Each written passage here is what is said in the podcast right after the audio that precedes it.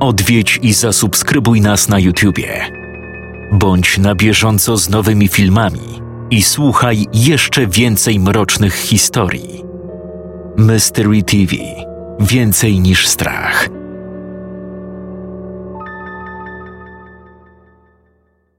www.mysterytv.pl Jeszcze więcej strachu, jeszcze więcej mrocznych historii. Upiorne święta. Zbiór siedmiu opowiadań od siedmiu autorów Mystery TV w świątecznym klimacie. Ponad pięć godzin słuchania, a także nowość. Przeklęte karty. Premiera nowego audiobooka. 6 godzin 25 minut słuchania. Matthew Shelton jest spełnionym człowiekiem. Ma dużo pieniędzy, które zarobił jako telewizyjny wróżbita.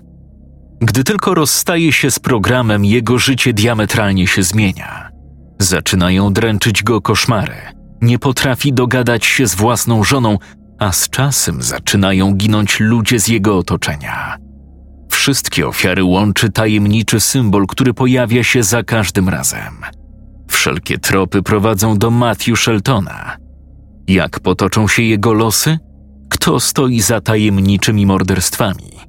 Dowiesz się słuchając najnowszego audiobooka Przeklęte karty. Do nabycia tylko na www.mysterytv.pl.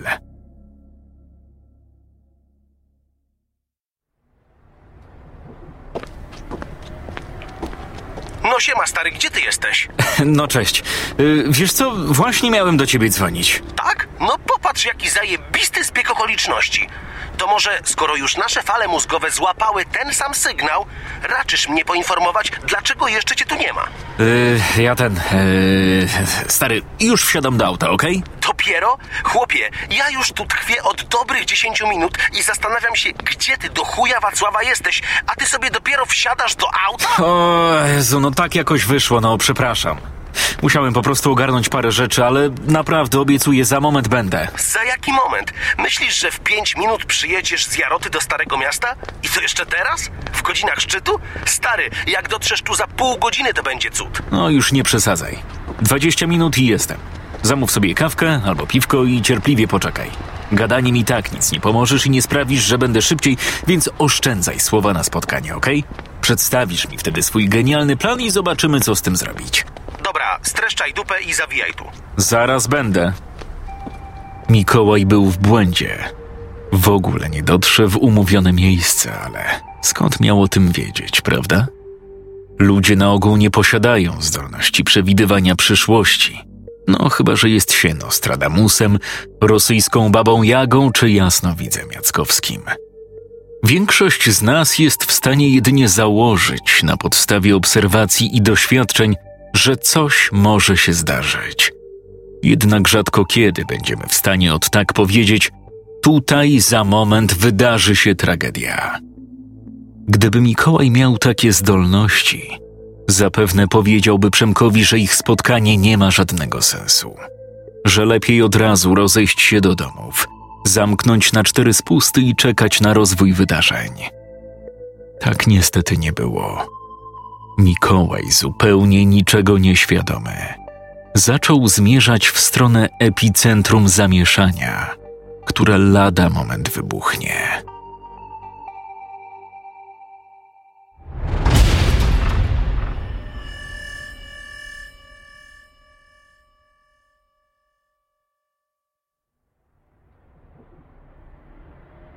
Mikołaj, gdy tylko wyjechał z drogi osiedlowej na główną, trafił na dość solidny korek. Auta jadące w stronę centrum po prostu stały. Powietrze zaś przecinały kolejne agresywne ryki klaksonów. Z kolei pas dla aut jadących z centrum był zupełnie pusty. To pierwsza dziwna rzecz, jaką zauważył Mikołaj, ponieważ punkt A nawet jeśli były korki, to ograniczały się raczej do bardzo powolnej jazdy lub chwilowym wstrzymaniu płynności ruchu, a nie tak jak ma to miejsce teraz, gdzie wszyscy po prostu stali w miejscu. Punkt B. Dlaczego drogą z centrum nikt nie jedzie? Żadne auto, żaden autobus, po prostu nic. jakby nagle ktoś wyłączył z użytku ten odcinek. Mikołaj sięgnął po telefon leżący na fotelu pasażera i wybrał ostatni numer. Czego? Tylko dobrze się zastanów, co chcesz powiedzieć, żebyś mnie tu nie wkurwiał. No cóż, jest taki trochę jakby mały problem. No oczywiście, cóż innego mógłbym usłyszeć? Jakby sam fakt twojego spóźnienia nie był wystarczający. Obawiam się, że dotarcie może zająć mi nieco dłużej niż kwadrans. Naprawdę nie wiem o co chodzi, ale po prostu stoję w korku. Ojej, naprawdę? Hmm, ciekawe czemu. Może dlatego, że są godziny szczytu. Może wystarczyło ogarnąć dupę nieco wcześniej. Nie, nie o to chodzi. Po prostu to jest dziwne. Korek jakoś mnie to nie dziwi. Słuchaj, od dobrych pięciu minut stoję. Rozumiesz? Po prostu stoję. Mógłbym wyłączyć silnik, bo nie ruszyłem się z miejsca nawet o milimetr. No to pewnie w centrum był jakiś wypadek, stłuczka, nie wiem. Dobra, weź już nie pogarszaj swojej i tak chujowej sytuacji. Po prostu tu dojedź. Przemek zakończył połączenie. Siedział w jednej z kawiarenek na Starym Mieście i właśnie podano mu zamówioną kilka minut temu kawę. Zajął miejsce przy oknie, aby móc obserwować przechodzących ludzi i dostrzec ewentualnie zbliżającego się Mikołaja. On, w przeciwieństwie do swojego przyjaciela, nie zauważył niczego niepokojącego, dziwnego lub odstającego od normy. Wszystko wyglądało tak, jak wyglądać powinno. A przynajmniej tak mu się wydawało. Przecież klaksony słychać dość często w godzinach szczytu, zwłaszcza w dużych miastach, prawda? Karetki, policja. Zawsze jeździły, jeżdżą i będą jeździć. Nie powinno go tutaj nic dziwić, tak? Uśmiechnął się pod nosem i upił łyk ciepłego napoju. Tymczasem Mikołaj zgasił silnik. Uznał, że bez sensu jest marnować tyle benzyny na bezsensowne stanie w korku. Wyjął kluczyk ze stacyjki i otworzył drzwi, opuszczając swoje auto. Podobnie uczyniło kilku innych kierowców.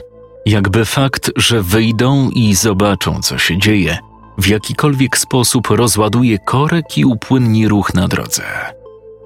Mikołaj, mimo usilnego wytężania wzroku, nie był w stanie dostrzec niczego, co tłumaczyłoby zaistniałą sytuację. Żadnego karambolu, żadnego pożaru, dymu, nic. Jedyną przesłanką, która mogła wskazywać, że w centrum faktycznie coś się wydarzyło, był dźwięk syren, który rozbrzmiał za jego plecami. Obrócił się i obserwował, jak z daleka zaczęły wyłaniać się kolejne pojazdy uprzywilejowane. Co ciekawe, wszystkie pędziły lewą stroną.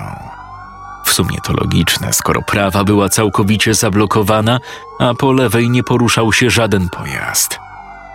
Syreny przybrały na sile.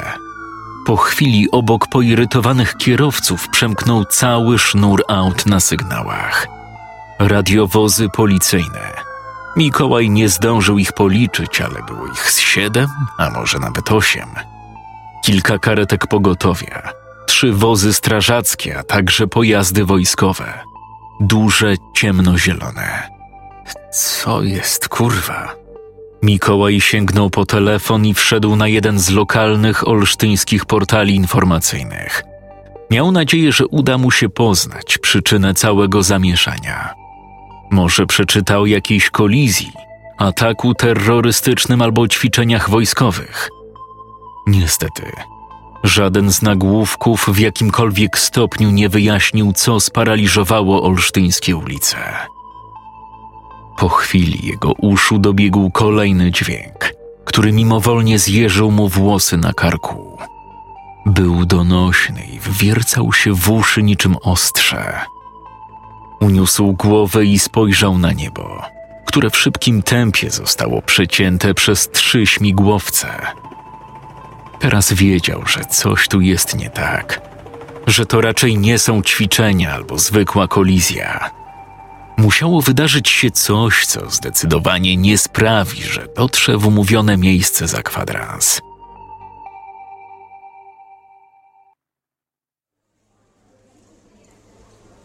Przemek powoli dopijał swoją kawę. Od ostatniej rozmowy z Mikołajem minęło już ponad 15 minut. Powoli zaczynał tracić cierpliwość. Wiedział, że chłopak lubi się spóźniać, ale zazwyczaj było to 10, 15, góra 20 minut. Tym razem było już dobre ponad pół godziny od ustalonej pory spotkania. Jedno jest pewne. Jak w końcu tutaj dotrze, dostanie solidny opierdol.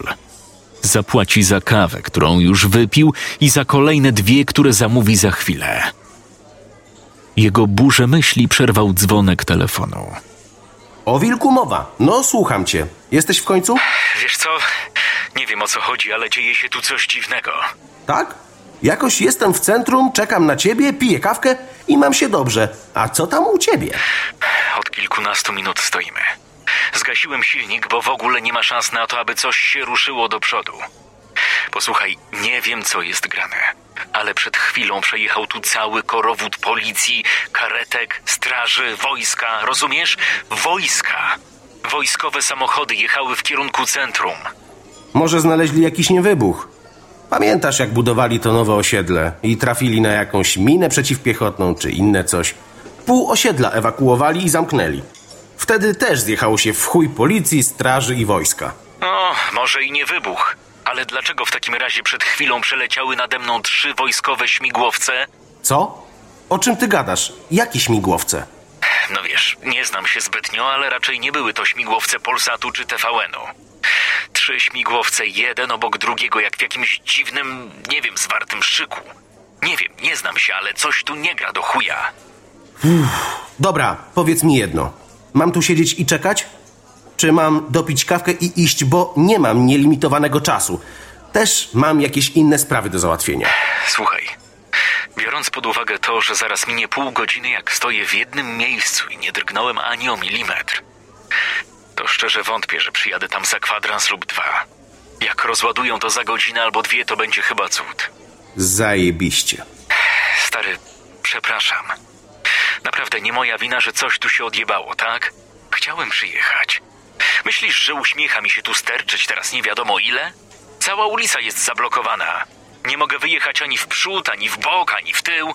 Po prostu muszę tu stać i czekać, aż coś się rozładuje. Było ogarnąć dupę na czas, to może byś uniknął tego czegoś. Nie, żebym się jakoś tłumaczył, ale wydaje mi się, że inni stoją tu już dłużej ode mnie. A korek ciągnie się jak stąd do wypierdalej, więc nie zrobiło się to w pięć minut. Dobra, stary, jak to mówił klasyk, chuj ci w dupę. Dopijam i spierdalam. Jak już wyjedziesz lub uda ci się coś zrobić, daj znać. Ustalimy sobie nowy termin. Spoko. Jeszcze raz przepraszam. Spierdalaj. Przemek rozłączył się i schował telefon do kieszeni. Chwycił stojącą na blacie filiżankę i jednym haustem opróżnił jej zawartość. W tym samym momencie zauważył kilka osób, które pędziły na łeb na szyję chodnikiem przed kawiarnią. Pierwszej chwili pomyślał, że spieszą się na autobus albo coś. Ale czy aby na pewno? W ich biegu było coś niepokojącego, przerażającego. Oni wyglądali, jakby przed czymś uciekali. Dobra, chyba zaczynam coś sobie wgrywać. Wstał z miejsca i włożył banknot dwudziestozłotowy pod spodek filiżanki. Obrócił się w kierunku wyjścia i zamarł. W tej właśnie chwili drzwi otworzyły się z impetem, a do środka wpadł mężczyzna w średnim wieku. Był cały we krwi. Wyglądał dosłownie tak, jakby przed chwilą wpadł pod kosiarkę. Poszarpane ubranie, krew na twarzy, krew na rękach, brzuchu, wszędzie. Klienci, którzy zostali wyrwani ze swoich spraw przez nagłe uderzenie drzwi, wrzasnęli na widok przybysza. Mężczyzna rzucił się w stronę kontuaru, a stojący za nim kelner odskoczył przerażony. Jakby bał się, że zakrwawiony facet zrobi mu jakąś krzywdę. A potem stało się właśnie to. Jeden strzał, drugi, potem trzeci. Ludzie w kawiarni zaczęli krzyczeć w przerażeniu. Wszyscy niczym zaprogramowani w odruchowym instynkcie rzucili się na podłogę, strącając przy tym stojące na blatach filiżanki, wazoniki i talerzyki. Przemek zrobił to samo. Kucnął i schował się za jednym ze stolików, cały czas obserwując zakrwawionego gościa. Kolejne strzały. Tym razem nie pojedyncze, lecz całe serie, jak z karabinów maszynowych. Co tu się do kurwy nędzy dzieje? Panika wybuchła nie tylko w kawiarni, ale także poza nią. Wszystko zmieniło się jak za dotknięciem czarodziejskiej różdżki. Jeszcze pięć minut temu wszystko wyglądało normalnie, zwyczajnie. Za szybą spacerowali ludzie i nic nie wskazywało, że może być inaczej. Tymczasem teraz słyszał strzały, wybuchy i alarmy samochodowe. Najgorszy był jednak wrzask. Nieustający, stłumiony wrzask ludzi, którzy w popłochu biegali po chodniku i ulicy. Przemkowi przyszły na myśl nagrania z ataków na World Trade Center 11 września. Właśnie tak to wygląda. Szeroko pojęty popłoch i panika. Po chwili drzwi do kawiarni otworzyły się raz jeszcze, tym razem z olbrzymim hukiem. Do środka wpadł inny mężczyzna, na oko starszy od tego pierwszego. Wyglądał jeszcze gorzej. Jego ciało było poranione, poharatana twarz, ręce i nogi pozbawione niewielkich fragmentów tkanki. Gość wyglądał, jakby wyszedł z płomieni, albo jakby uciekł przed próbującymi go pożreć lwami. Bez zatrzymywania, z całym impetem wpadł na tego pierwszego. A właściwie nie wpadł. On się na niego rzucił. Skoczył na niego, po czym obaj upadli na podłogę. Przemek obserwował wszystko, nie będąc w stanie wykonać żadnego ruchu. Sparaliżowało go. Pierwszy próbował się bronić. Starał się odepchnąć napastnika, który siedział na nim okrakiem i harczał w niebogłosy. Siłowali się przez chwilę. Wtedy ten drugi chwycił rękę pierwszego i po prostu ją ugryzł. Tak, ugryzł. Pierwszy reknął wściekle, jakby przypalano go rozżarzonym do czerwoności prętem. Gdy napastnik poczuł, że ofiara przestała stawiać opór, wgryzł się w jego szyję. Siedział na nim i niczym dzika bestia szarpał jego mięśnie i skórę w obrębie głowy.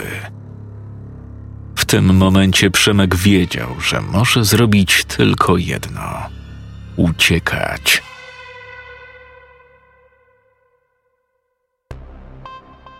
Mikołaj nie miał zbytnio pomysłu, co w tej sytuacji może zrobić. Raz jeszcze postanowił sprawdzić lokalne portale w poszukiwaniu jakichkolwiek informacji na temat tego, co dzieje się w Olsztynie. Niestety bezskutecznie. Wszystkie serwisy zgodnie milczały w tym temacie. Gdy tak siedział w swoim aucie i próbował znaleźć jakiekolwiek wskazówki, strzępki wiadomości czy wyjaśnień, usłyszał coś, co sprawiło, że niemal podskoczył w fotelu. Pojedynczy wybuch. Ciężko mu było to porównać do czegokolwiek, ponieważ nigdy nie słyszał niczego poza fajerwerkami na Sylwestra.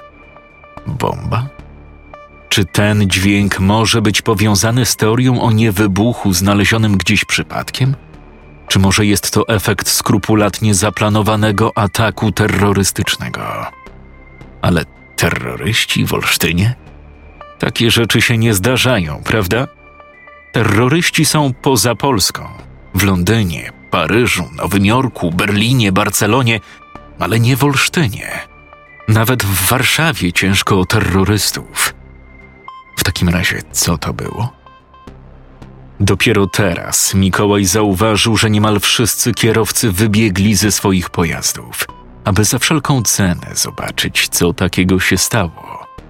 Co to za wybuch poniósł się echem po okolicy. Chłopak nie wiedział, czy też powinien opuścić swoje auto, czy też będzie lepszym rozwiązaniem pozostanie na miejscu i zaryglowanie drzwi na wszystkie zamki.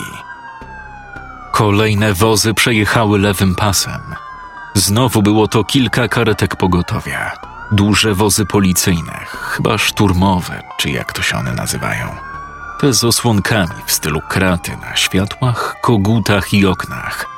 Do tej pory widywał takie tylko na jakichś meczach Jagiellonii, gdzie istniało ryzyko starcia z kibolami. Tuż za nimi kilka ciężarówek wojskowych.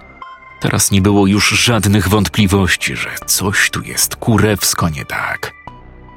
Mimo poczucia strachu i wszechogarniającego lęku, Mikołaj postanowił wyjść z samochodu. Musiał to zrobić. Musiał zaczerpnąć świeżego powietrza. Nigdy nie miał ataku paniki, ale miał wrażenie, że jeśli nie wyjdzie, to właśnie tak się stanie. Śmigłowce znowu pojawiły się nad głowami stojących tu kierowców. Były to najprawdopodobniej te same maszyny, które minęły ich kilka minut temu. Nie można powiedzieć, że wracały, bo wyglądało to jakby odrobinę się cofnęły, a następnie stanęły na jednej wysokości, obserwując całą sytuację z powietrza. Tylko co to za sytuacja? Czemu oni muszą tu tkwić w niewiedzy? Czemu dookoła latają śmigłowce, jeżdżą karetki, wozy policji i wojska? Słychać wybuchy, a oni o niczym nie wiedzą. Stoją i czekają nie wiadomo na co. Czemu nikt ich nie ewakuuje? Nie informuje o czymkolwiek? O zagrożeniu, ucieczce? Przecież. Kolejny wybuch, a po nim seria strzałów strzały z karabinów automatycznych. Mikołaj nie był może specjalistą w dziedzinie broni, ale lubił sobie od czasu do czasu postrzelać na strzelnicy. Poza tym doskonale kojarzył ten rodzaj dźwięku z przeróżnych gier, w które potrafił cisnąć godzinami. CS, Battlefield, Call of Duty. Wszelkie strzelanki i napierdalanki to było to, co lubił robić w wolnych chwilach, by rozładować stres i emocje. Nie sądził jednak, że usłyszenie tego dźwięku na żywo, w sytuacji takiej jak ta, kilkadziesiąt metrów od niego, sprawi, że jego serce zacznie bić jako szalałe. Ktoś krzyknął. Potem kolejne strzały. Pisk, wrzask. Co się tu do cholery dzieje? Strzały narastały jakby osoby, które puszczają serię z karabinów, nieustannie się zbliżały. Do tego ten nieopisany chaos. Czegoś takiego Mikołaj nie słyszał nigdy w życiu. Przez moment zastanawiał się nawet, co to za dźwięk. Zaczął się nawet rozglądać po niebie w poszukiwaniu wojskowych F-16, ale nie. Dopiero po kilku sekundach ujrzał, co jest źródłem tego dźwięku. Tłum liczący dziesiątki, a nawet setki ludzi biegnących wprost przed siebie. W ich biegu było coś nietypowego. Był niesamowicie dziki, chaotyczny. Tłum pędził przed siebie, a pojedyncze osoby padały ranione pociskami, które przebijały ich czaszki klatki piersiowe, szyję. Ja pierdolę. Co tu się kurwa dzieje? Ryk, wrzask, pisk, wycie, zawodzenie i krzyki. Istna kakofonia dźwięków sprawiła, że nogi Mikołaja zaczęły drżeć. Nie miał zielonego pojęcia, co robić. Tłum zbliżał się coraz szybciej. Jeszcze ułamek sekundy temu były to tylko zarysy postaci Teraz widzi ich dokładnie. Ile zajmie im dotarcie do jego auta? Dwadzieścia sekund. Trzydzieści. Co ma robić? Strzały, syreny, śmigłowce, ryk. Dopiero gdy wpadł na niego inny kierowca i rzucił siarczyste spierdalaj, Mikołaj oprzytomniał. Obrócił się i zaczął biec ile sił w nogach – Serce, gdyby tylko mogło, wyskoczyłoby mu z piersi i przekoziołkowało do pobliskiej studzienki kanalizacyjnej. Słyszał, jak ludzie za nim dostają kolejnymi seriami pocisków. Słyszał, jak upadają. Słyszał pękające kości i czaszki. Dokąd ma biec? Gdzie uciekać? Jego też zabiją? Wiedział, że nie ma sensu dalsza ucieczka główną drogą Im w bardziej wąskie i osiedlowe uliczki skręci, tym większa szansa na ratunek. Ile stąd jest do jego mieszkania? Kilometr? Da radę tyle przebiec, nie wypluwając płuc i padając z wycieńczenia? Co by nie mówić, ale jego kondycja jest w stanie tragicznym. Ale przecież to inna sytuacja, prawda? Walczy o życie, walczy o przetrwanie. Gdy huk wystrzałów stał się wyraźniejszy, a kule niemal świsnęły nad jego głową, wiedział, że jak najszybciej musi zejść z linii ognia. Jeszcze tylko kilka metrów i skręci w osiedle. Da radę. Musi dać radę. Zaryzykował i spojrzał w swoją prawą stronę. Zauważył innych kierowców, którzy pędzili ze strachem wymalowanym na twarzach. Jaki oni mieli plan? A co z Przemkiem? Przecież był w centrum, tak? A jeśli coś mu się stało? W tym momencie facet biegnący po jego prawej skręcił dynamicznie wskakując w osiedle. Mikołaj nie spodziewał się tego, kompletnie tracąc kontakt z rzeczywistością. Zachwiał się, stracił równowagę i upadł. Ach, kurwa! Wiedział, że za sekundę zostanie staranowany przez pędzący tłum. Dlatego, wykorzystując prędkość wytworzoną podczas upadku, momentalnie zerwał się z chodnika i podążył za mężczyzną, który go przewrócił. Schodkami w wąską ścieżkę prowadzącą na osiedle Jaroty. W końcu. Natychmiast odbił w prawo w blokowisko. Tutaj ma większą szansę na przeżycie. Większą szansę, że uda mu się uciec przed kimkolwiek, kto ich gonił i do nich strzelał. Starał się wybierać jak najbardziej kręte chodniki. Przeskakiwał przez blokowe ogródki, trawniki, aby zgubić każdego, kto zechciałby go dalej gonić.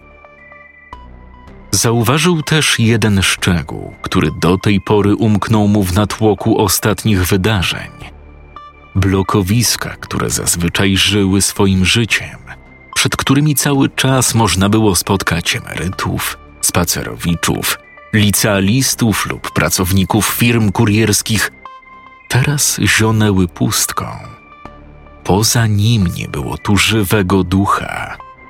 Zupełnie tak, jakby osiedle po prostu wyparowało. Ale nie było się czemu dziwić.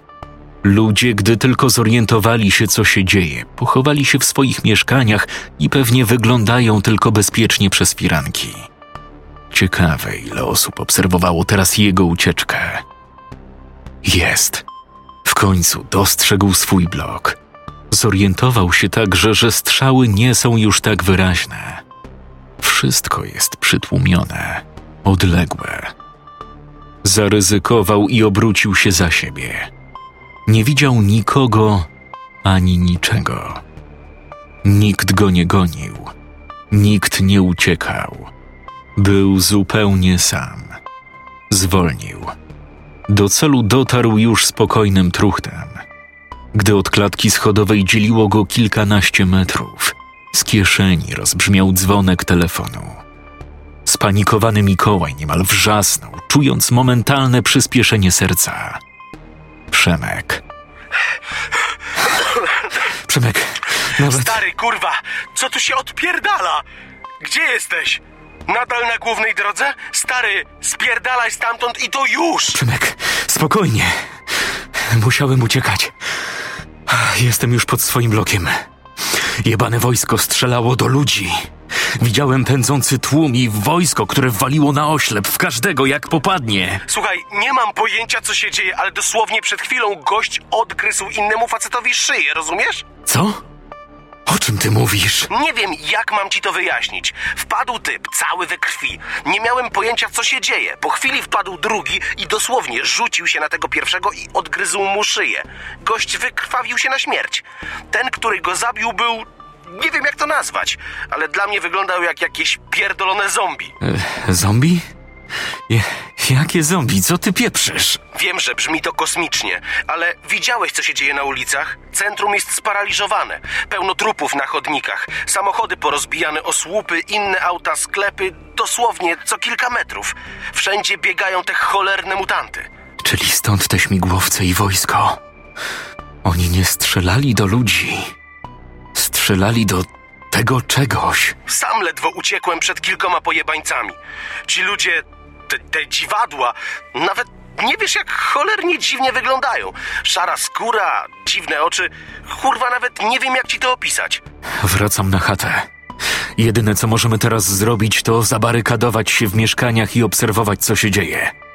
Nie wiem, słuchać komunikatów, oglądać wiadomości, nie wiem. Ale jedno jest pewne. Ulice Olsztyna nie są bezpieczne.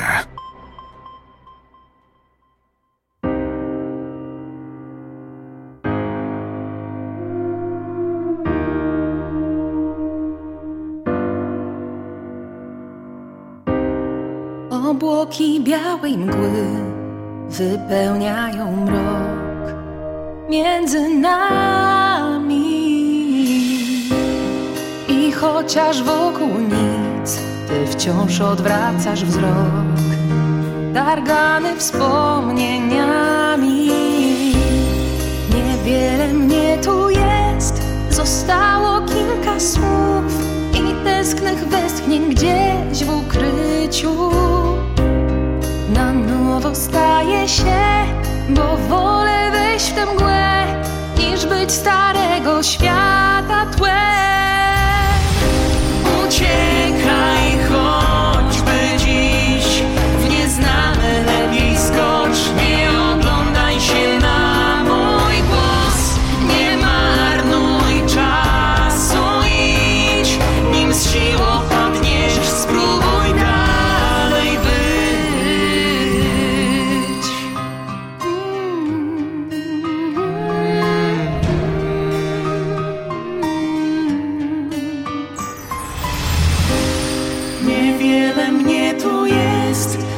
zostało kilka słów i tęsknych westchnień gdzieś w ukryciu. Na nowo staje się, bo wolę wejść w tę mgłę, niż być starego świata tłem.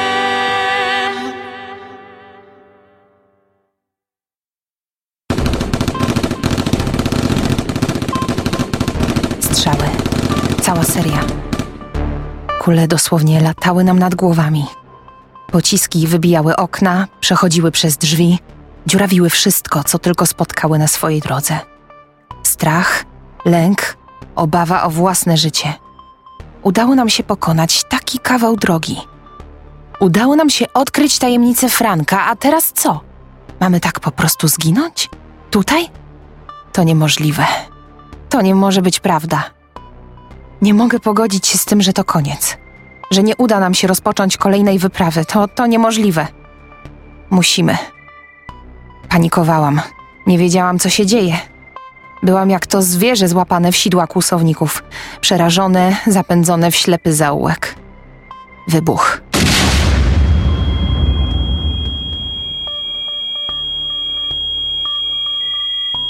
Zrobiło mi się ciemno przed oczami. Ktoś krzyczał, ale nie wiem co. Dźwięki zdawały się do mnie nie docierać. Wszystko było zupełnie nierealne. Ktoś złapał mnie za rękę, pchnął w kierunku jakiegoś przejścia. W uszach słyszałam jeden wielki pisk. W powietrzu unosił się zapach spalenizny, starego drewna i wilgoci. Pył. Było też mnóstwo pyłu. Nie wiem skąd, ale gdy tylko próbowałam złapać oddech, momentalnie zaczynałam się dusić. Znowu ktoś krzyczy, ale nie jestem w stanie zrozumieć ani słowa. Obrazy się rozmazują. Po chwili jednak poczułam coś innego. Czyste powietrze. Światło oślepiło mnie swym blaskiem, a twarz otulił chłodny powiew wiatru. Czy właśnie umarłam? Czy tak wygląda śmierć? Nie, przynajmniej nie moja. Strzały zdawały się oddalać, cichnąć. Ja zorientowałam się, że biegnę przez las. Skąd się w nim znalazłam? Nie mam pojęcia. Lecz gdy wróciłam do swojego ciała i w pełni uświadomiłam sobie, co się dzieje, byliśmy już kilkadziesiąt metrów dalej od miejsca zagrożenia. Udało nam się. Uciekliśmy, a ja nawet nie wiedziałam przed czym. Dopiero później przypomniałam sobie, co takiego zaszło. Granat. Ogłuszył mnie totalnie, dlatego byłam taka zamroczona. To nie był jedyny problem, jaki napotkaliśmy na swej drodze. Tych niestety było całe mnóstwo. Nasza podróż dobiegła końca. Dalszej drogi dla nas nie ma. Mam nadzieję, że uda nam się rozpocząć nowe życie. Właściwie chyba nie mamy innego wyjścia. Szkoda tylko, że nie wszyscy z naszej czwórki przeżyli. Mimo, że życie w tym cholernym świecie jest trudne, razem było raźniej. A może to my mamy pecha, że przeżyliśmy? Pozwólcie jednak, że zaczniemy od początku.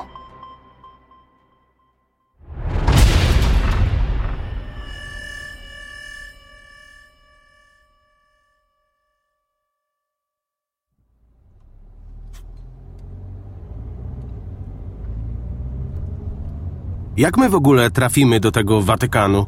Zero nawigacji, zero komunikacji, zero czegokolwiek. Ktoś ma jakiś pomysł? No, wiesz. Wydaje mi się, że jakoś damy radę chyba, nie? W końcu znaki drogowe jeszcze zostały, prawda? A przynajmniej większość, która, no, nie została wykorzystana jako elementy zbrojeniowe obozów.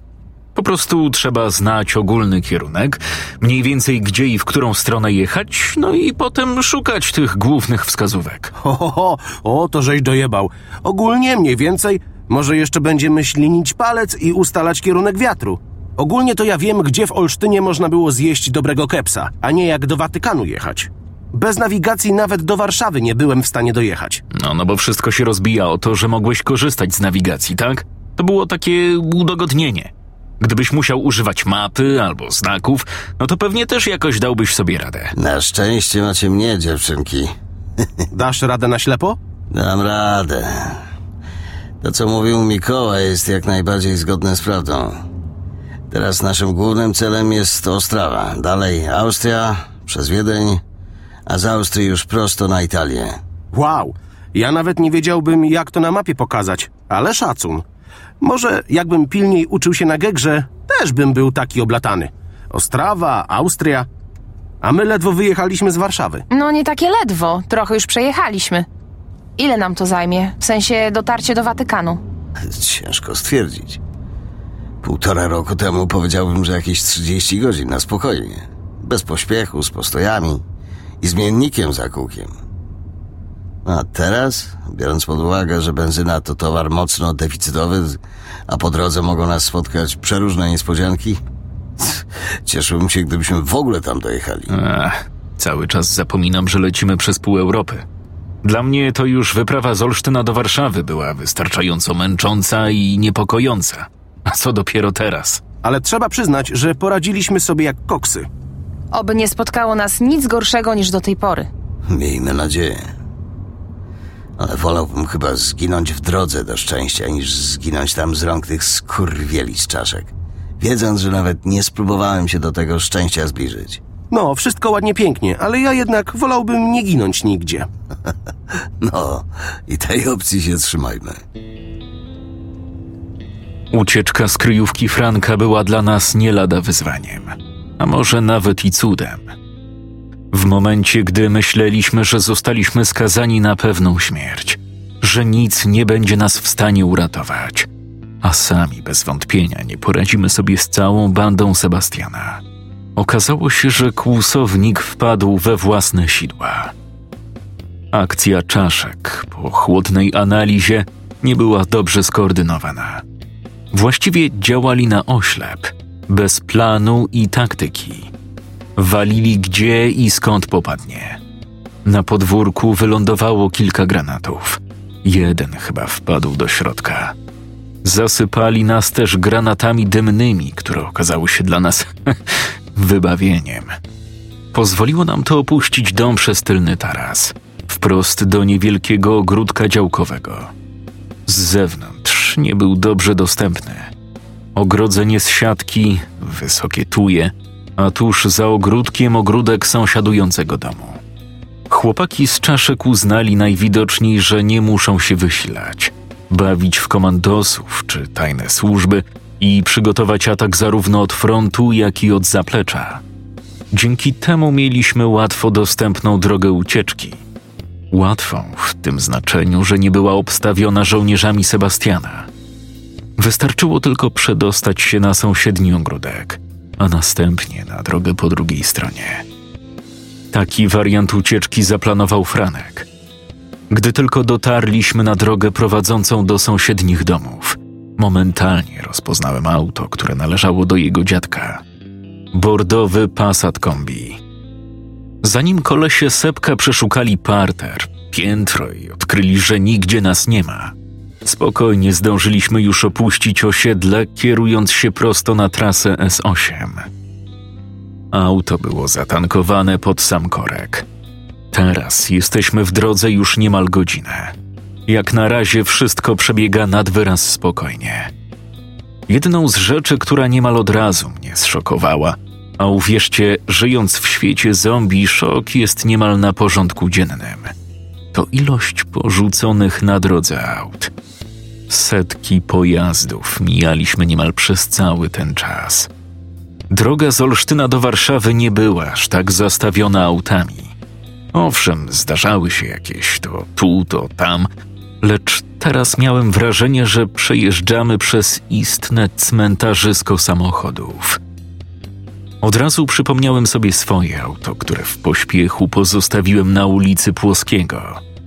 Najprawdopodobniej stoi tam do dziś, wśród wszystkich innych, których kierowcy tego cholernego dnia musieli uciekać przed wojskiem i zombie. Na dobrą sprawę nigdy nie zastanawiałem się, co się z tymi ludźmi stało. Z tymi kierowcami, którzy czekali razem ze mną i zastanawiali się, co się u diabła dzieje. Nie martwiłem się też o auto. W chwili, kiedy zdajesz sobie sprawę, że najważniejsze jest to, aby przeżyć, aby przetrwać, kompletnie zapominasz o świecie materialnym.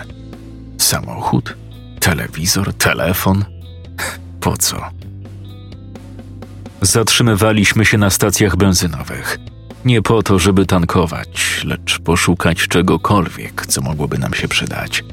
Przekąski takie jak paluszki, chipsy i inne produkty z długim terminem ważności. Narzędzia, a może nawet jakaś broń. Co prawda o to też nie musieliśmy się martwić. W bagażniku Passata w materiałowych pokrowcach znaleźliśmy trzy karabiny AK-47 zapewne przeznaczone dla mnie, Przemka i Franka. Dwa trafiły do nas. Witek zaopiekował się trzecim. Dodatkowo była też jedna beretta, którą również przejął Witek, jeden Glock, którego dostałem ja i jedna P99, którą wziął Przemek. Paulina została ze swoimi dwoma beretami. Zapas amunicji powinien na trochę wystarczyć. Szczerze, nie mam bladego pojęcia, skąd wytrzasnął ten arsenał, ale w obecnej sytuacji w ogóle mnie to nie obchodziło. Świat, w którym przyszło nam żyć, to nie jest ten sam świat, który znaliśmy jeszcze nie tak dawno temu. Teraz broń jest dla ludzi tym, czym kiedyś był smartfon. Każdy musi mieć swój. Bez tego ani rusz. W każdej chwili może przyjść nam zmierzyć się z grupą nieumarłych albo bandytów – Wszędzie potworzyły się obozy. Mnóstwo ludzi chce rządzić. Jedni okradają drugich, drudzy atakują trzecich, a trzeci próbują zrabować wszystko, co mają czwarci. Polowania nie tylko na zwierzęta w celu uzupełnienia racji żywnościowych, ale także na ludzi, aby dozbroić się, znaleźć tanią siłę roboczą, obrabować z wszelkich zapasów – to jest świat, którym rządzi siła i instynkt, niczym wśród pradawnych plemion. Kto ma dzidę, ten ma władzę. Rapapara, rapapara, Przemek Maryja. Jak Za kilometr będziemy mieli kolejną stację. Warto byłoby się zatrzymać. Z tego co kojarzę, jest tam parking dla tirów. Może znajdziemy coś ciekawego? Jasna sprawa. Kiedyś grałem w taką grę. Już nie pamiętam, jak się nazywała, ale też się chodziło w różne miejsca i zbierało różne pierdoły. Potem można było z tego zrobić jakieś bronie i tak dalej. No nie wiem, czy wiesz, ale w większości gier survivalowych musisz chodzić i zbierać różne pierdoły, z których robisz potem bronie. Na tym takie gry polegają. a raczej polegały, bo teraz survival masz w prawdziwym życiu. No tak, tylko ja nie zrobię z paczki gwoździ, puszki po piwie i prochu bomby. Właściwie to niewiele bym potrafił zrobić, bo na czym ja się znam? Chuja się tam znam. O, już nie bądź taki samokrytyczny. Nie jestem, taka prawda. Obiad bym ugotował, ale jeśli chodzi o takie manualne robótki, to jedyne co mi dobrze wychodziło to masturbacja. O, już miałem nadzieję, że chcesz nas zarzucić jakąś smutną historyjką. Przygotujcie się, zjeżdżamy. Witek zwolnił, a następnie zjechał z drogi. Umówiliśmy się, że nie będziemy podjeżdżać centralnie pod budynki. Zatrzymujemy się dalej. Najlepiej w miejscu, w którym nie będzie nas widać. Następnie wysiadamy i powolutku, będąc gotowym na każdą ewentualność, robimy rozpoznanie terenu. Obserwujemy dane miejsce. Szukamy oznak czyjejś obecności, ludzi albo zarażonych. Dlaczego tak? Tuż po wyjeździe z Bemowa zrobiliśmy postój. Na stacji natknęliśmy się na jakiegoś szaleńca. Facet miał broń i zaczął celować do Pauliny, która niestety nie była na to przygotowana. Nie zdążyła wyciągnąć swojej. Cudem udało nam się go przekonać, że nie jesteśmy bandytami i że nie chcemy zrobić mu krzywdy. Witek negocjował z nim dobre 10 minut, ale w końcu facet opuścił lufę i pozwolił nam odejść. To był głupi błąd, który mógł kosztować czyjeś życie. Od tamtej pory postanowiliśmy działać właśnie w taki sposób. Moim zdaniem jest czysto. Widzicie, ile tu jest tirów? Jest ich tu trochę. Trochę. To Przemek może mieć włosów na jajach. Jest ich tu mnóstwo. Czyli co? No, nie jest to trochę podejrzane? Co macie na myśli? Przecież to parking dla tirów, tak? Nie no, chodzi mi o to, że na ogół na takich parkingach spotykało się kilka, może kilkanaście ciężarówek. Raz jak jechałem nad morze, to gdzieś tam na jakimś parkingu spotkałem ich mniej więcej tyle co tu, ale i parking był większy. Możliwe, że akurat tylu kierowców porzuciło swoje wozy w ucieczce przed zakażonymi? No możemy tu sobie siedzieć i gdybać, czy jest ich tu za dużo, czy mało, czy w sam raz, no nie wiem. Ciężko mi ocenić, dlaczego tyle ich tu jest, ale ogólnie zgadzam się z tobą. Jest ich więcej niż mógłbym przypuszczać. Dobrze, ale nadal nie rozumiem, nad czym teraz debatujemy. Idziemy czy wracamy do auta? No dobra. Możemy znaleźć tutaj sporo ciekawych rzeczy. Nigdy nie wiadomo, co tacy trakerzy mogą wozić w kabinach, prawda? Może trafimy na jakiś skład z bronią? Mm, Na to to akurat bym nie liczył. Dobra, to kto przynęta? Przynęta. Kolejna zasada, którą ustaliliśmy po incydencie na stacji. Spośród naszej męskiej trójki losowaliśmy, kto będzie przynętą. Takim wabikiem. Osoba, która nią zostawała, wychodziła z ukrycia sama. Podchodziła jak najbliżej miejsca, które nas interesowało i robiła rozeznanie. Pozostali czekali w ukryciu z bronią w pełnej gotowości. Gdyby w miejscu, do którego podszedł wabik, przebywali zakażeni lub bandyci, zapewne wyskoczyliby na zewnątrz lub zdradziliby nam, obserwującym wszystko z ukrycia, że wabik może być zagrożony. Szczerze to nie wiem, czy jest to dobry pomysł, czy nie. Okaże się w sytuacji, kiedy po raz pierwszy wabik stanie oko w oko z prawdziwym zagrożeniem. Paulina, mimo że mocno chciała, po solidnym opierdolu od Witka zrezygnowała z dalszych starań o równouprawnienie. Ten, kto przegrywa. Gotowi? No, bardziej nie będziemy. Uwaga. Raz, dwa, trzy. Kurwa, dlaczego znowu ja? Może dlatego, że zawsze pokazujesz papier. Uff, dobra, osłaniajcie mnie tylko. Przemek otarł lekko spoconą dłoń o spodnie, a następnie chwycił oburącz P-99. Wyszedł za niewielkiego wzniesienia, które w tym momencie pełniło rolę naszej osłony. Powoli stawiał każdy kolejny krok, rozglądając się nerwowo to na jedną, to na drugą stronę. Do najbliżej zaparkowanego na wyznaczonym miejscu tira miał jeszcze kilkanaście metrów. Starał się oddychać jak najciszej, jakby bał się, że swym oddechem zagłuszy zbliżające się niebezpieczeństwo. Ale z tego co wiemy, zarażeni raczej nie wykazują logicznego myślenia. Nie skradają się na palcach i nie zaskakują z nienacka swoich potencjalnych ofiar. Wręcz przeciwnie. Na widok człowieka czy też zwierzęcia zaczynają krzyczeć, wrzeszczeć i warczeć, robiąc przy tym tyle hałasu, ile tylko się da. Co z kolei bardzo często przyciąga kolejnych zarażonych, którzy koczują gdzieś nieopodal. Pierwszy pojazd był coraz bliżej. Nie znam się na tirach, ale ten wyglądał zwyczajnie, jak tir. Duża kabina i przyczepa z granatową plandeką.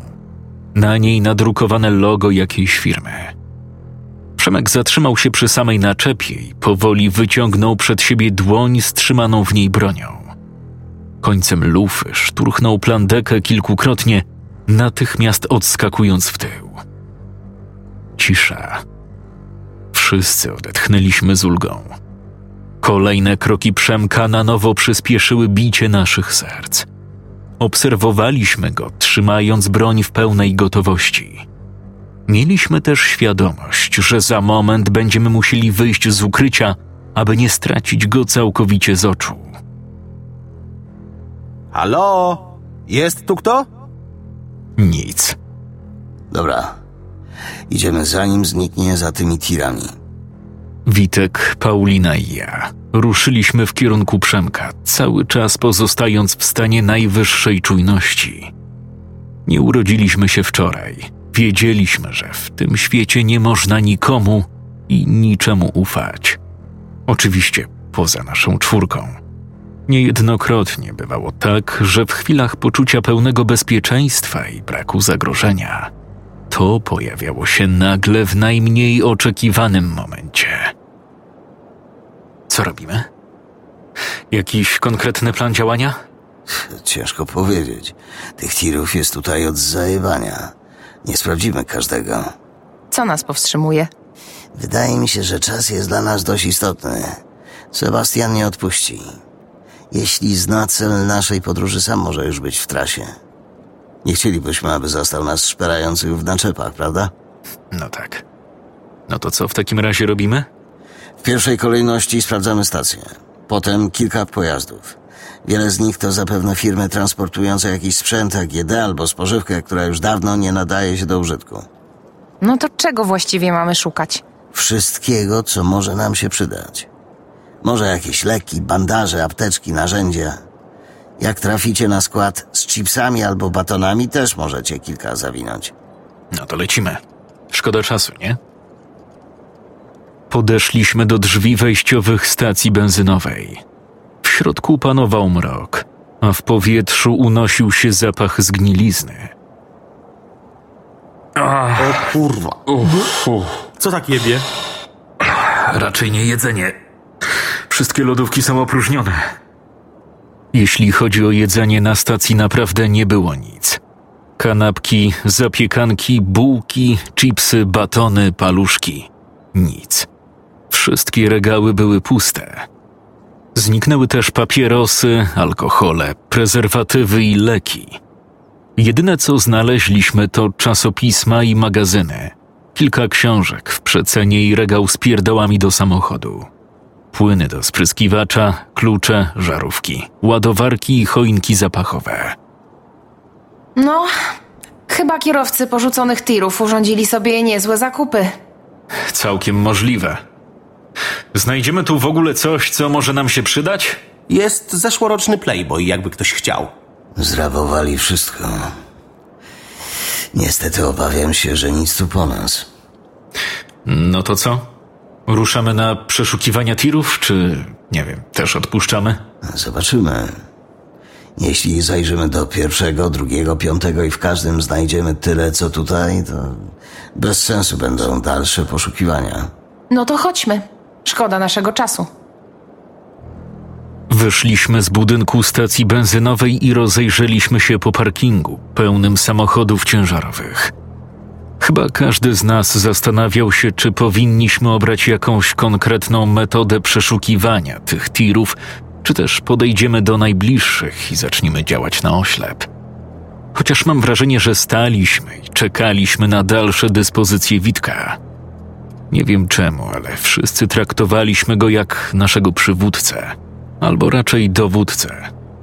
Nie wiem, czy była to kwestia jego wieku i tego, że był od nas starszy, czy może bardziej jego wiedzy, zimnej krwi, chłodnego umysłu, który zawsze potrafił wszystko ogarnąć. Podejrzewam, że jedno i drugie. Sam Witek natomiast nigdy nie traktował nas jak podwładnych. To, że wydawał wszystkim wskazówki, co powinni zrobić, a czego nie, było naturalne i nikt nie miał z tym problemu. Zawsze też liczył się z naszym zdaniem.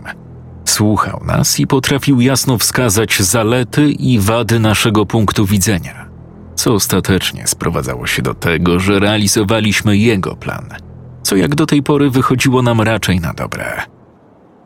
To jak robimy? Rozdzielamy się? Każdy wybiera sobie tira i go przeszukuje, czy walimy wszyscy do jednego?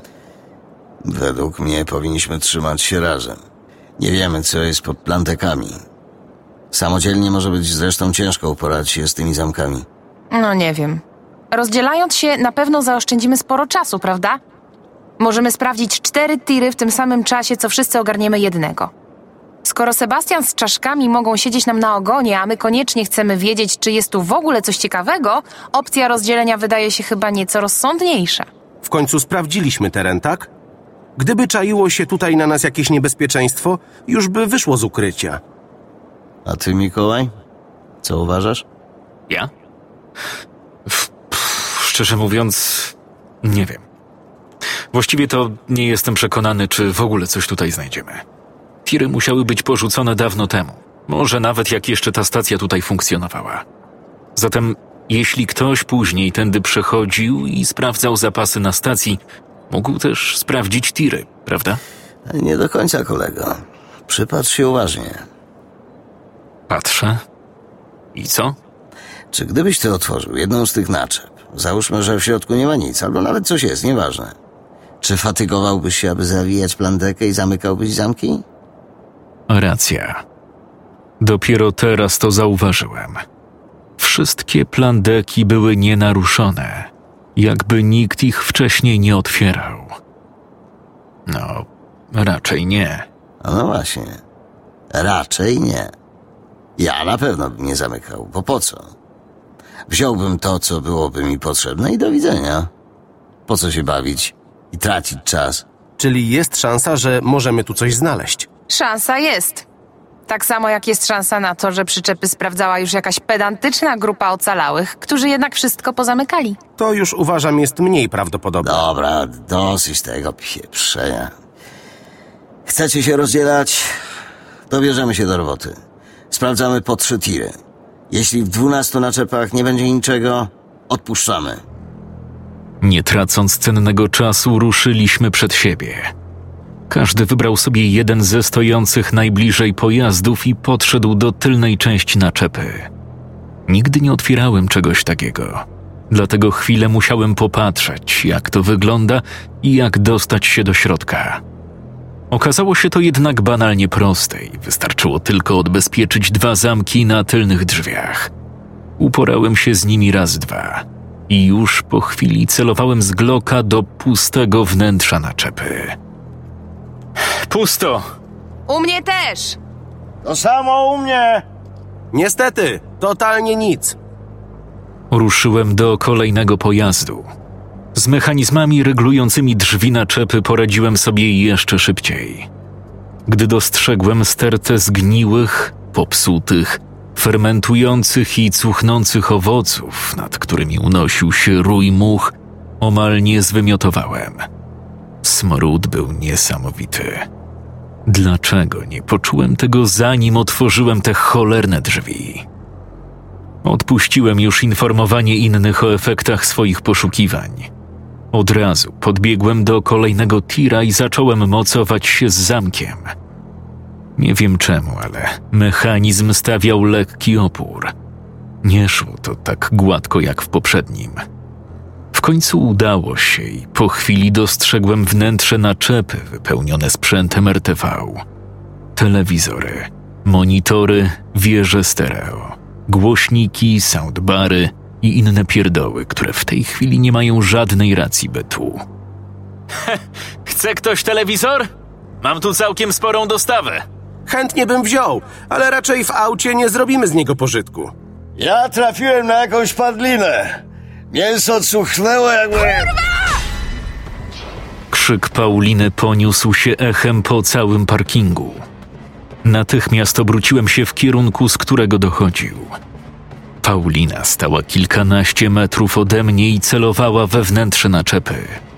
Po chwili wyskoczyło z niej całe stado zarażonych. Paulina! Uciekaj! Ja pierdolę. Zabezpieczyłem Glocka i momentalnie chwyciłem karabin. Paulina oddała jeszcze dwa strzały, lecz zarażonych było za dużo. Dwudziestu, a może nawet trzydziestu. Gincie, kurwy! Przemek ładował całą serię w zarażonych. Paulina zaczęła uciekać w kierunku stacji benzynowej. Do samochodu! Uciekamy! Nie wiedziałem, co mam robić. Zarażonych było tak dużo, że nie byłem w stanie dostrzec Pauliny. Przemek natomiast ładował cały magazynek w zakażonych. Kilku z nich padło martwych, o ile można tak powiedzieć o trupach. Kolejna seria, tym razem z drugiej strony. To był Witek. Podbiegł i pakował amunicję w głowy zakażonych, którzy padali w rozpaczliwym biegu za ofiarą. Odbezpieczyłem swoją broń i wycelowałem. Kilku zakażonych padło. W tym momencie jednak zorientowałem się, że Witek, Paulina i Przemek są już w połowie drogi do auta. Tymczasem ja nadal tkwiłem nieopodal ostatniej, otwartej przez siebie naczepy. Kurwa! Obróciłem się, stając oko w oko z kilkoma zarażonymi. Bez chwili zastanowienia wycelowałem przed siebie i nacisnąłem spust, ładując serię pocisków wyciągających w moją stronę swoje obrzydliwe łapska zakażonych. Nie miałem czasu na celowanie. Pociski trafiały ich w klatkę piersiową, ramiona, co tylko spowalniało ich ruchy, ale nie powstrzymywało i na pewno nie zabijało. Mikołaj! Rusz się!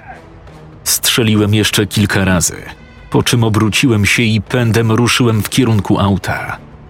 Wiedziałem, że nie mogę biec tą samą drogą co reszta, ponieważ grupa zombie nadal siedziała im na ogonie.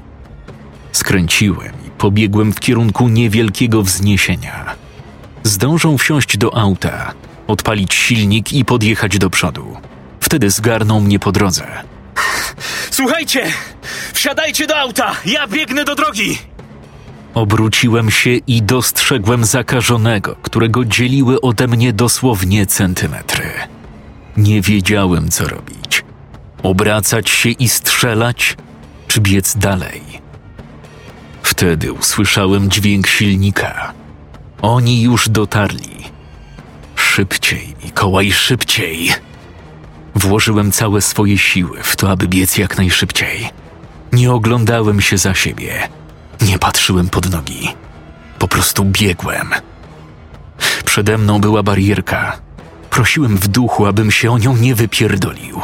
Żebym przeskoczył ją bez trudu, nie zahaczając nogami. Uwaga! Teraz! Udało się! Zakażeni na szczęście nie są tak zwinni. Na pewno zyskam kilka cennych sekund. Bieg pod górkę był nieco bardziej męczący, ale w końcu udało mi się. Gdy dotarłem na szczyt wzniesienia, obróciłem się i zobaczyłem zakażonych, którzy dopiero pokonali barierkę zabezpieczającą. Już pędzili moim śladem. Wsiadaj! Auto nie zdążyło się dobrze zatrzymać, gdy wskoczyłem do środka przez otwarte drzwi. Gdy tylko je zatrzasnąłem, Witek wcisnął pedał gazu niemal do samej podłogi. Odetchnąłem z ulgą, lecz wysiłek fizyczny, jaki włożyłem w ten bieg, był tak duży, że niemal chciało mi się wymiotować. Co to kurwa było? Naczepa zajebana zombiakami? To. to byli ludzie. Ludzie, których ktoś chyba próbował wywieźć. W środku, zanim na mnie wyskoczyli, Widziałam śpiwory, plecaki. Najgorsze były ciała dzieci. Tam były dzieci, rozumiecie? Pewnie jebani przemytnicy. Chcieli ich wywieźć na zachód. Ciekawe, jak długo tam tkwili. Nieważne ile tam tkwili, mogliśmy kurwa zginąć. Ja!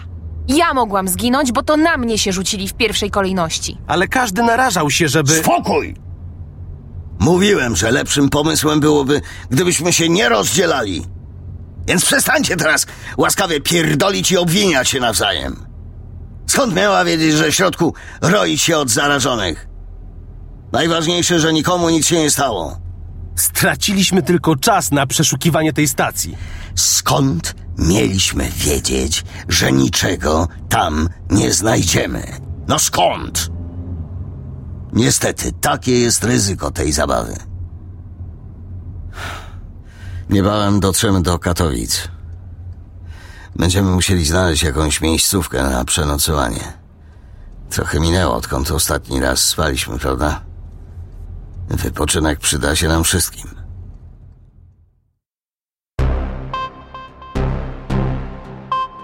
Nie mam bladego pojęcia, co się dzieje.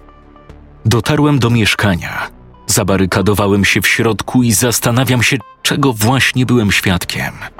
Co to wszystko miało znaczyć? Cały czas wisiałem na telefonie. Głównie w sieci, wertując już nie tylko lokalne olsztyńskie portale, ale również ogólnopolskie serwisy. Onet, Interia, TVN24. Miałem nadzieję, że dowiem się czegokolwiek. Tymczasem minęły dwie godziny, a media podały tylko jakieś strzępy informacji. Wojskowe helikoptery pojawiły się nad miastem. Tajemnicze strzały w centrum Olsztyna. Czy w Olsztynie doszło do ataku terrorystycznego? We wszystkich artykułach i doniesieniach prasowych więcej było pytań hipotez niż suchych faktów. Nic. Zero. Tylko domysły. Na szczęście miałem Agatę, która w rozmowie telefonicznej rzuciła nieco więcej światła na całą sprawę. Agata to moja żona. Pracuje w Olsztyńskim Wojewódzkim Szpitalu Specjalistycznym. Jest lekarzem chorób wewnętrznych. Ostatnimi czasy niemal nie wychodzi ze szpitala. Walka z pandemią trwa już kilkanaście miesięcy i niestety szpitale mieszą się z brakami personalnymi. Niska płaca, zero życia prywatnego, ciągła dyspozycyjność, a w zamian co? Słuchanie, że jest kłamliwą suką, która sprzedała się na poczet fałszywej pandemii. Brak szacunku ze względu na jej młody wiek. No bo co ty, dziewczynko, możesz wiedzieć, skoro jesteś prosto po studiach? Nic, prawda? Jesteś nikim. Wielokrotnie opowiadała mi o sytuacjach, kiedy pacjenci, widząc ile ma lat i jak wygląda, prosili o zmianę lekarza na kogoś z większym doświadczeniem. Po prostu nie mieli do niej zaufania. Strasznie ją to wkurwiało. Nieraz płakała mi po nocach, o ile mogła je spędzić w domu, bo przypominam, że większość doby spędzała na dyżurach. Czuła się najzwyczajniej w świecie upokorzona. Nie tak wyobrażała sobie swój wymarzony zawód. Nie tak widziała współpracę na linii lekarz-pacjent. Ale niestety, życie szybko weryfikuje nasze plany i marzenia. Pandemia błyskawicznie zmieniła życie wszystkich Polaków. Zmieniła także jej życie, zwłaszcza to zawodowe, z gorszego na tragiczne. Jestem wykończona. Po prostu padam. No, domyślam się. Co dziś mamy? Czwartek, tak? Kiedy byłaś w domu? W poniedziałek? We wtorek rano. No, no tak. No to znacznie zmienia postać rzeczy. Jak byłam na studiach, to często nam mówili, że prawdziwa praca zweryfikuje ten zawód. Że gdy znajdziemy zatrudnienie w szpitalu, dopiero wtedy zobaczymy, co to znaczy pracować w służbie zdrowia. Każdy tylko kiwał głową i myślał sobie, nie, to niemożliwe. Nie może być aż tak źle, prawda? Wiesz, o czym większość z nas myślała. Oczywiście, że wiem. O Forsie. Między innymi. Oczywiście też nie wszyscy. Była część ludzi, która traktowała to jak misję. Liczyli, że idąc na medycynę staną się zbawcami narodu. Zmienią świat, będą nieść pomoc innym. A ludzie z wdzięcznością będą obdarowywać ich ciepłymi uśmiechami, wielbiąc ich imiona. Też należałam do tej grupy. Jednak spora część, głównie męska, zastanawiała się, ile dziennie zarobi, mając swój gabinet prywatny. Pięć tysięcy? Dziesięć? Piętnaście? A może dwadzieścia? Tak właśnie wyobrażali sobie swój zawód. Zawód lekarza. Nie będę pracował w szpitalu. Będę udzielał tylko konsultacji i porad prywatnych. Czyli jednym słowem, chuj z was. Na szczęście większość z nich odpadła najpóźniej na drugim roku. Ale teraz nie dziwię się, czemu tak myśleli. Jedna dziesięciominutowa konsultacja prywatna to pewnie dobre dwie, trzy godziny mojego dyżuru w szpitalu. Ja po prostu nadal nie rozumiem, jak to jest możliwe, że nie możesz zrezygnować. To znaczy, nie tyle zrezygnować, co po prostu, nie wiem, powiedzieć nie, dziękuję, tyle nie dam rady.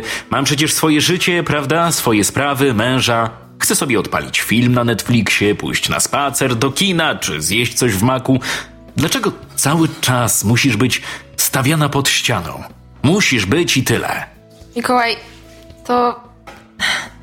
Sam wiesz, że to nie tak działa, prawda? No wiem, że nie działa. Pytam tylko, dlaczego to tak nie działa? Skoro właśnie chyba tak działać powinno. Obawiam się, że niestety kierujesz swoje pytanie do niewłaściwej osoby. Wiesz doskonale, że ja nie mogę stawiać warunków. Dopiero wchodzę w ten zawód, a sytuacja w służbie zdrowia jest teraz chujowa w każdym szpitalu w Polsce. Wiesz, co zrobią, jak zacznę się stawiać i marudzić? Wypieprzą mnie i na tym się skończy. Dlatego macie braki kadrowe, tak?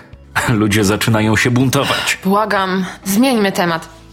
I tak jestem wykończona tym wszystkim. Dziś musiałam zakładać ten cholerny kombinezon siedem razy. Siedem razy musiałam się też dezynfekować. A jeden facet koło pięćdziesiątki jeszcze się wydzierał, że, że on chce lekarza, a nie dzieciaka. Przepraszam. Bez sensu zaczynałem to wszystko. Po prostu nie myśl teraz o tym. To twój czas dla siebie. Wolne. Nie ma szpitala.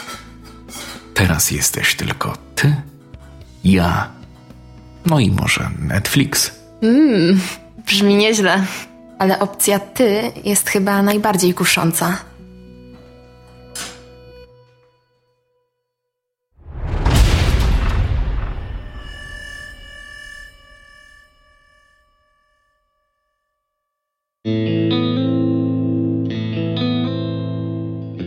Zbliżaliśmy się do Katowic.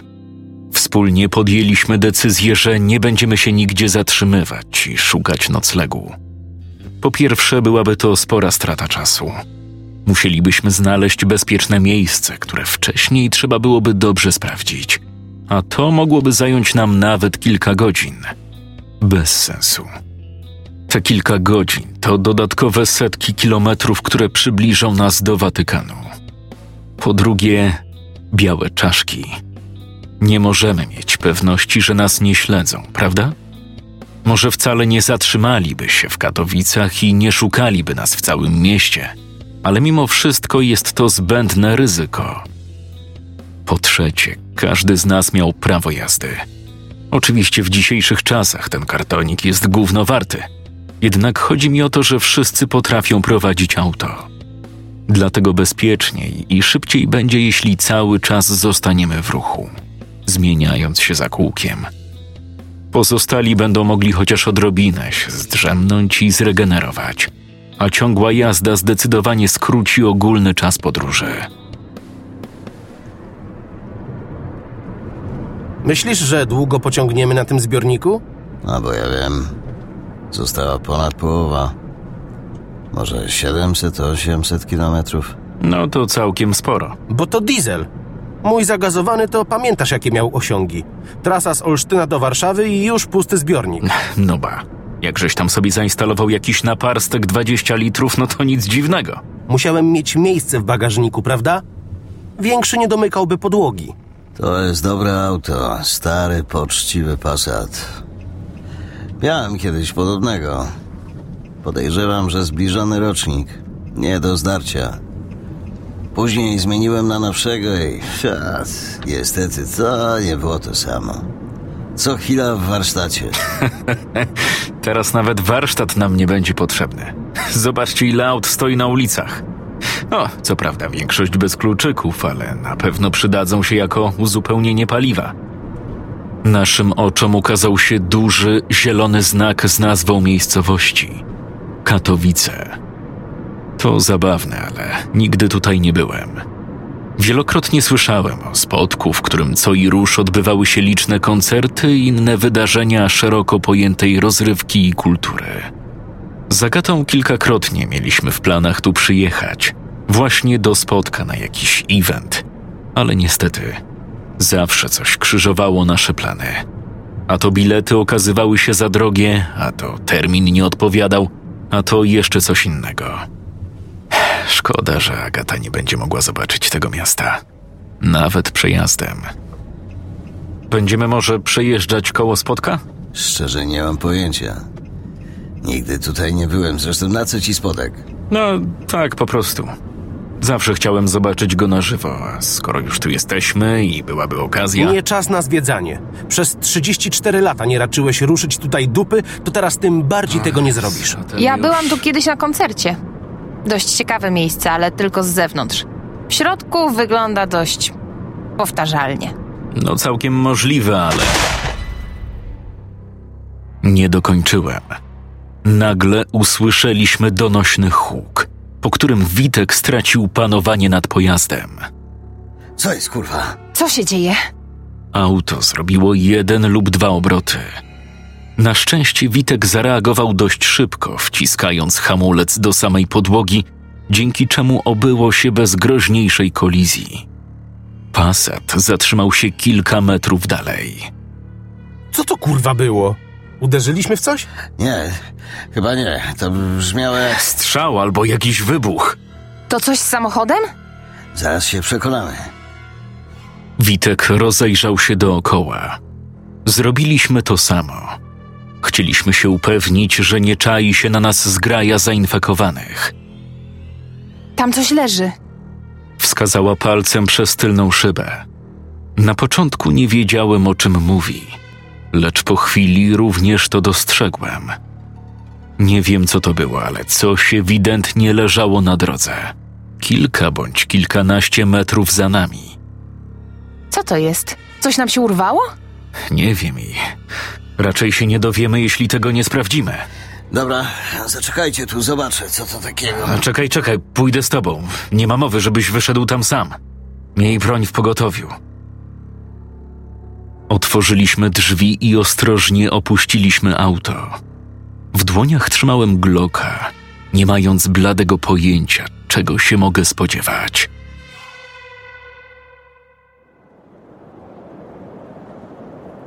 Kurwa mać! Co jest? Złapaliśmy kapcia! Co ty gadasz? No zobacz, kompletny flak. Dalej nie pojedziemy. Witek, nie wiem, czy to normalne i czy tak powinno być. Wydaje mi się, że nie, ale z tyłu też jest flag. Witek spojrzał na mnie z niedowierzaniem, a może nawet i złością. Minął mnie bez słowa i ocenił stan tylnej opony. Kaplica. Następnie poszedł na drugą stronę. O, o kurwa, komplet. Wszystkie stary. Ale nie rozumiem, co się stało. O co tutaj chodzi? Witek nie odpowiedział. Ruszył w kierunku tajemniczego przedmiotu, który leżał za naszym autem. Nie czekając ani chwili, poszedłem w ślad za nim. Im bliżej tego czegoś byłem, tym bardziej nabierałem pewności, z czym mieliśmy do czynienia. Kolczatka? Taka policyjna? Ta, Co jest? Co tam znaleźliście? miejsce dość nietypowe. Poza tym Poza tym co? No Witek, mów o co chodzi. to chyba nie był przypadek. W tym momencie, jak na potwierdzenie jego słów, usłyszeliśmy serię strzałów. Dochodziły niemalże z każdej strony. Nie zdążyliśmy zareagować. Nie mieliśmy pewnie szans, by jakkolwiek zareagować. Jedyne, co przyszło nam do głowy, to po prostu rzucić się na ziemię i liczyć na to, że nikt w nas nie wyceluje. Tak też się stało. Serie padały dookoła, lecz miały na celu nas jedynie wystraszyć, zbić z tropu. Nikt chyba nie chciał nas zabijać, bo gdyby to było w planie tajemniczych napastników, podejrzewam, że już dawno leżelibyśmy tu w kałuży krwi. Wystarczy! Wstrzymać ogień! Usłyszałem głos mężczyzny. Kto to był? Czego od nas chcą? Dlaczego zastawili na nas sidła i skąd w ogóle wiedzieli, że ktoś może tędy przejeżdżać? Siedzieli w tych krzakach i wrakach samochodów porzuconych na poboczach? Ile tak tu sterczeli? Kroki. Ktoś się do nas zbliżał. Kątem oka dostrzegłem swojego gloka, który leżał tuż obok mnie. Sięgnąć po niego? I co ja zrobię? Zesram się chyba i tyle z tego będzie. Nie mam szans z całą armią karabinów maszynowych. Ciężki but stanął tuż obok mojej głowy, a następnie kopnął leżącą broń. Możecie wstać, a wy tam z samochodu wyłazić z rękami w górze. Jak zobaczy, że ktoś ma broń w ręku, rozpierdolę łeb. Jeżeli macie tam jakieś pukawki, lepiej zostawcie je na miejscu. My się nimi zaopiekujemy. Wyjdźcie i nie próbujcie żadnych sztuczek, jasne? Jeden fałszywy ruch i zrobimy z was ser szwajcarski. Powoli i ostrożnie podniosłem się z ziemi. Witek zrobił to samo. Spojrzeliśmy na siebie, odruchowo unosząc ręce do góry. Potem dość niepewnie, jakbym bał się to zrobić. Spojrzałem na gościa, który do nas mówił. Stał tuż obok nas. Wysoki, młody chłopak. Na oko mógł być w moim wieku, może nawet młodszy. Dobrze zbudowany, postawny. Od razu wiedziałem, że musiał sporo trenować. Jak się nazywacie? Ja jestem Witek, a to Mikołaj. W samochodzie jest Przemek i Paulina. Ty dowodzisz tym waszym czteroosobowym zespołem? Nikt nie dowodzi, po prostu trzymamy się razem. Aha, czyli tak się trzymacie razem. Hmm. A dokąd jechaliście? Jeśli można wiedzieć. Nie mieliśmy żadnego konkretnego celu, po prostu jedziemy przed siebie, szukamy jakiegoś schronienia. Szukacie schronienia? No widzisz, Witek. Witek, dobrze pamiętam, tak? Widzisz, Witek, otóż bardzo dobrze trafiliście. Tutaj w Katowicach możecie znaleźć schronienie. Mamy tu bardzo duży obóz, możliwe, że największy. Jesteśmy solidnie przygotowani na wszystko i jestem pewien, że będziecie się czuć u nas jak w domu. E, Dzięki, a, ale jeśli to nie problem, to nie, nie chcemy sprawiać kłopotu. Chętnie poszukamy gdzieś indziej. Kłopot? Jaki kłopot? Mogę wam zagwarantować, że wszyscy przyjmą was z otwartymi ramionami. Super. Fajnie. Cieszymy się i doceniamy, ale naprawdę nie szukamy żadnych. Zamknij się, skoro mówię, że jedziecie z nami, to jedziecie z nami. Czy ja mówię w jakimś obcym języku? Nie. Wszystko jest jasne. W takim razie zapraszam za mną. Ruszamy! Miejcie ich na muszce! A, i przeszukajcie tego szrota. Zgarnijcie wszystko, co się nadaje. Dopiero teraz zauważyłem, ilu ich tu było. Każdej strony po kilku żołnierzy. Mieli mundury, normalne, wojskowe, prawdziwe mundury. Czapki, buty. Za moment pojawiły się pojazdy, takie same jak te, które widziałem tego pamiętnego dnia w Olsztynie. Opuściliśmy już ręce i szliśmy w kierunku jednego z wozów.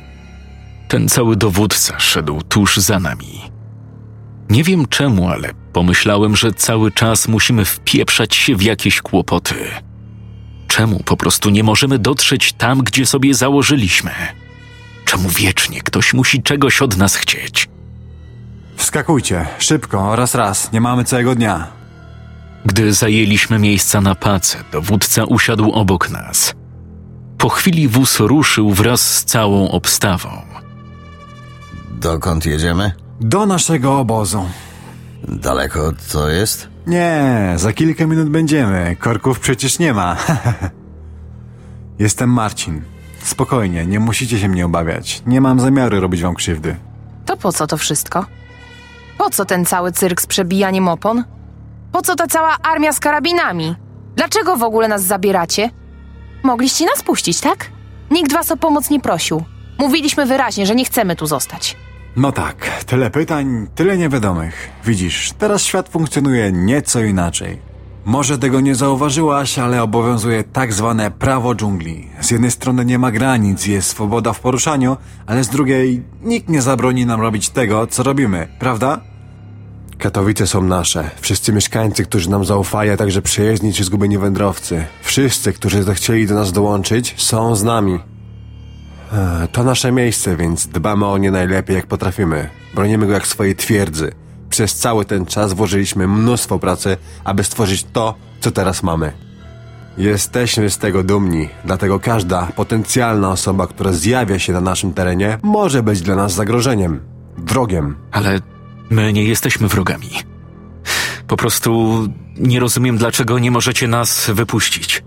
Dlaczego nie możemy robić tego, co chcieliśmy, tak? Dlaczego na siłę chcecie nas uszczęśliwiać? Wielu chciało szukać szczęścia na własną rękę. Niektórym udało się nawet do nas wrócić. Niełatwo jest jednak odzyskać nasze zaufanie. Niestety większość kończyła tragicznie. Nie chcemy, aby spotkał was taki sam los. Pieprzenie. Co was to w ogóle obchodzi? Dla mnie brzmi to jak jakieś sekciarskie pierdolenie. W chuju mam waszą troskę.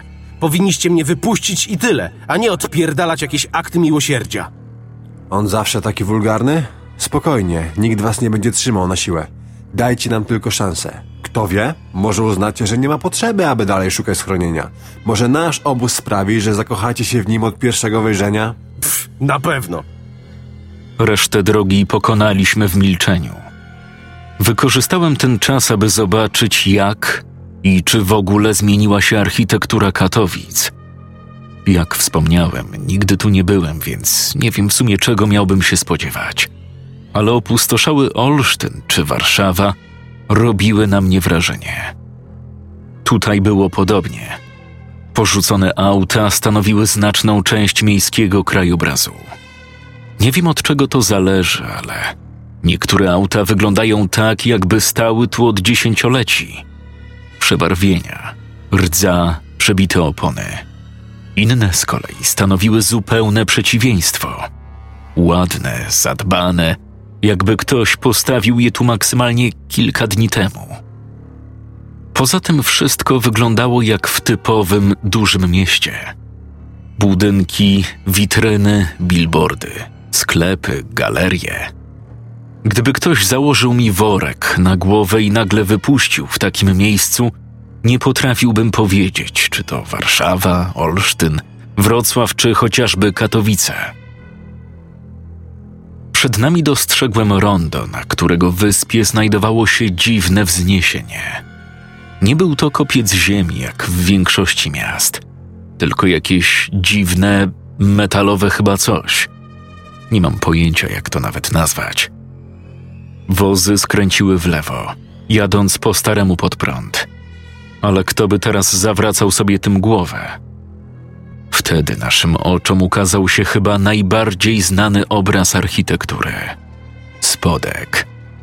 Czyżby to właśnie tu swoją siedzibę miał ten wspaniały katowicki obóz? Dopiero w tej chwili dostrzegłem wielkie ogrodzenie z siatki, które wyrosło na środku drogi. Szczyt ogrodzenia okalał drut kolczasty, co od razu przywodziło na myśl skojarzenie z zakładem karnym. Wzdłuż siatki po drugiej stronie ujrzałem grupy żołnierzy, którzy pełnili coś na wzór warty. Gdy wóz, którym jechaliśmy, zatrzymał się przed bramą, kilku żołnierzy podeszło do siatki i zamieniło kilka zdań z kierowcą, których niestety nie byłem w stanie zrozumieć. Po chwili żołnierze przesunęli bramę, pozwalając nam wjechać do środka. Plusem całej sytuacji było to, że w końcu zobaczę spodek. Szkoda tylko, że w takich okolicznościach. Wozy wjechały na parking, na którym poza innymi wozami wojskowymi znajdowały się auta policyjne, kilka karetek pogotowia, motocykle oraz auta osobowe. Zacząłem się zastanawiać, czy jest to część ich wyposażenia obozowego, czy może są to porzucone środki transportu, które do niczego się nie nadają.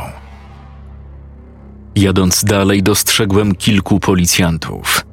Prawdziwych policjantów w policyjnych, granatowych uniformach z napisem Policja na plecach. Uwierzcie mi, ale nawet nie pamiętam, kiedy ostatni raz widziałem taki mundur na żywo. Na pewno zanim wybuchło całe to zamieszanie.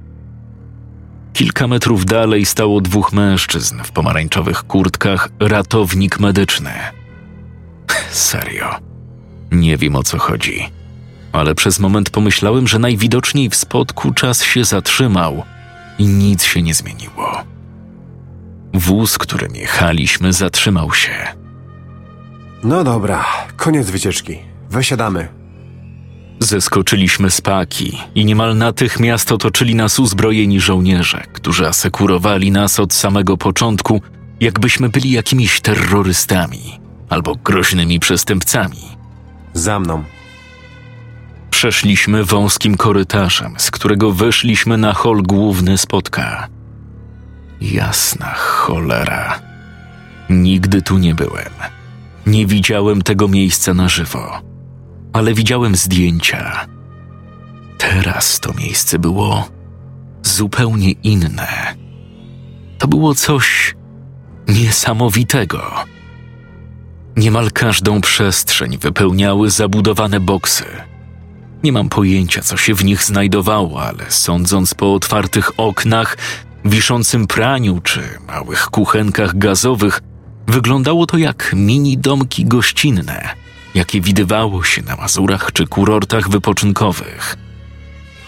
Wzdłuż holu znajdowały się najzwyczajniejsze w świecie stragany. Dostrzegłem kobietę, która stała za ladą wypełnioną wszelkiej maści owocami i warzywami. Obok niej kolejny stół załadowany słodyczami i przekąskami. Chipsy, żelki, czekolady. Następny stragan stanowiły gry. Gry na PlayStation 4. Natychmiast dostrzegłem kilka dużych telewizorów po drugiej stronie sklepiku, które okupowane były przez chłopców wieku, bo ja wiem, 13 lat, 12. Kilka kolejnych budek to sklepy odzieżowe, z których wyszła grupka kobiet z papierowymi torbami i ruszyły w kierunku boksów po drugiej stronie. Jeszcze dalej zauważyłem coś na wzór restauracji, albo raczej stołówki. Kilka stolików, bemary, w których znajdowało się mnóstwo potraw. Nie wierzyłem własnym oczom. To było nie do opisania. Ja pierdolę. Nie wierzę. Co? Robi wrażenie, prawda? Mówiłem, że to najlepszy obóz.